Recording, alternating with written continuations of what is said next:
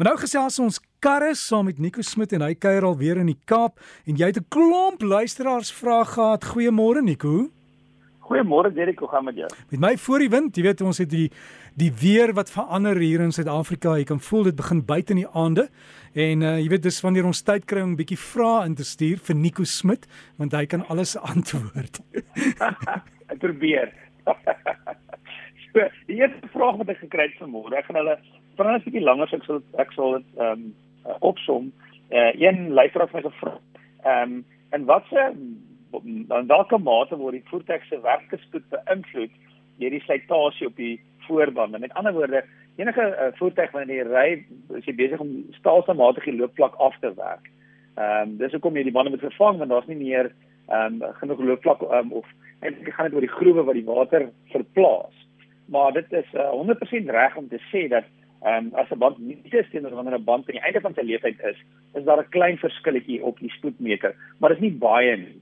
So dis nie iets om oor bekommerd te wees um, om te sê weet jy wat as ek nou 120 ry, ry ek eintlik 110 of andersom nie. So wat gebeur is dat dit het versekerde klein verskilletjie ehm um, of 'n uh, invloed op die spoedmeter om die waarheid te sê selfs ehm um, klein verskilletjies in die 0 tot 100 op jou topspoed nie dat jy nou jou topspoed gaan gebruik nie maar wanneer jy versnel sal die 0 tot 100 tyd 'n klein bietjie anders wees wanneer jy nuwe bande het teenoor wanneer jy ouer bande het uh en natuurlik ook bou die vervaardiger se fout in in die spoedmeter. So selfs al ry 120 km/h, is die werklike spoed van die voertuig nie 120 km/h nie. Dit kan ook wees 130 km/h of 115 km/h. So die vervaardigers bou altyd ook 'n fout in om veilig te wees sodat wanneer jy uh, volgens die naals werk op jou spoedmeter, is nie 100% die die die, die akkurate spoed nie.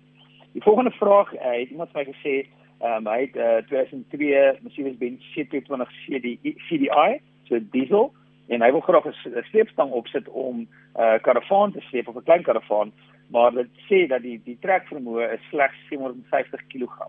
So belangrik om na voertuig te kyk, daar's twee nou baie voertuie het eintlik twee uh, kom ons sê gewigte van uh, sleepwaens wat dit um, wat jy kan trek en dit die 750 kg is dan vir 'n klein sleepwa soos kom ons sê 'n ventersleepwa. Ehm um, met ander woorde, hulle sal baie jy so as jy kyk na die die hoe dit beskryf praat van brake and unbrake. So unbrake is ons soos 'n ventersleepwandjie. Ja, kom en jy gaan en uh ehm um, die sleepwa het het rem homself nie, maar karavane en groot sleepwaens het dan self in in skopremme met ander woorde, wanneer jy jou voertuig rem, dan ehm um, skuif die gewig van die uh die die sleepwa vorentoe en hy sy eie remme. Ehm uh, met ander woorde, dan kan jy 'n swaarder gewig, so wanneer die sleepwa homself kan rem, kan jy 'n swaarder gewig dra of gewoonlik is dit 'n karavaan. Ehm um, maar maar as jy homself nie as jy met ander woorde as jy nie remme het nie, kyk jy na 750 kg, maar wanneer jy remme het, kan jy dan selfs kyk na 1.8 tot 2 ton. So kyk na die breek en aanbreek ehm um, sleepwa gewigte om te bepaal. So daar's 'n moontlikheid dat jy jou Mercedes-Benz ehm um, sleepwa met remme kan sleep uh, as jy as 'n klein karavaan het. Die volgende vraag ehm um, gaan spesifiek oor banddruk en uh, die wat die vervaardigers aanbeveel teenoor wat gebeur by wanneer jy jou bande vervang. So 'n luisteraar het my gesê ehm um, hy uh, wanneer hy sy voertuig se bande moet vervang ehm um, en hy gaan hy, kyk gewoonlik na in, in die deur, so gewoonlik in die deur of in die petrolkap is daar banddruk wat die vervaardiger sê. So met ander woorde kom ons sê dis nou 2.2 voor en 2.3 agter. Ehm um, en dan wat gebeur is as jy ehm um, gewig in die voertuig het, dan gewoonlik gewoonlik is dit op een mannetjie by en dan is daar drie mannetjies in vier tassies. Dis gewoonlik wanneer jy gewig in die voertuig is. Ehm um, en dan is die verskil, kom ons sê jy het dan eintlik na drie baar toe voor en agter wanneer jy gewig in die kar hy sê vir my dat of sy sy sy epos vra, wat gebeur nou as as hy die bande gaan vervang? Die mense wat die bande vervang, sê vir hom hoor jy gaan eintlik hoër as wat die vervaardigers aanbeveel. Met ander woorde, hulle sê wel, weet jy wat jy kom sê, as jy Michelin op jou kar, ons beveel aan, hulle sê 2.1 gaan na 2.3 toe. My persoonlike gevoel is om by die vervaardigers te bly en by die vervaardigers se spesifikasie. Ehm um, daar's soms slim ingenieurs wat ehm um, miljoene miljoene miljoene rande spandeer het om hierdie voertuig te ontwikkel om uit te werk wat die regte bande. Want onthou, bande ehm um, behalwe vir uh, vir vir die spoed wat die voertuig te beweeg, het dit ook gewoonlik 'n uh, uh, wat hulle in Engels praat van 'n load rating, met ander woorde, hoeveel gewig kan daai band dra? Hulle het 'n speed rating, hoe wat spoed kan die band veilig teen beweeg? So daar's baie faktore wat dit beïnvloed, maar ek persoonlik gaan altyd op die vervaardiger spesifikasies. So as hulle sê 2.1 bar, gaan ek op 2.1 bar bly. Al sê 'n bandeplek vir my iets anders, uh, is die voertuig spesifikasies my baie bela eerder belangrik. Ook onthou dat as jou bande begin pap raak en jy jy, jy sit nie lig terug nie, gaan hulle verseker vinniger afloop.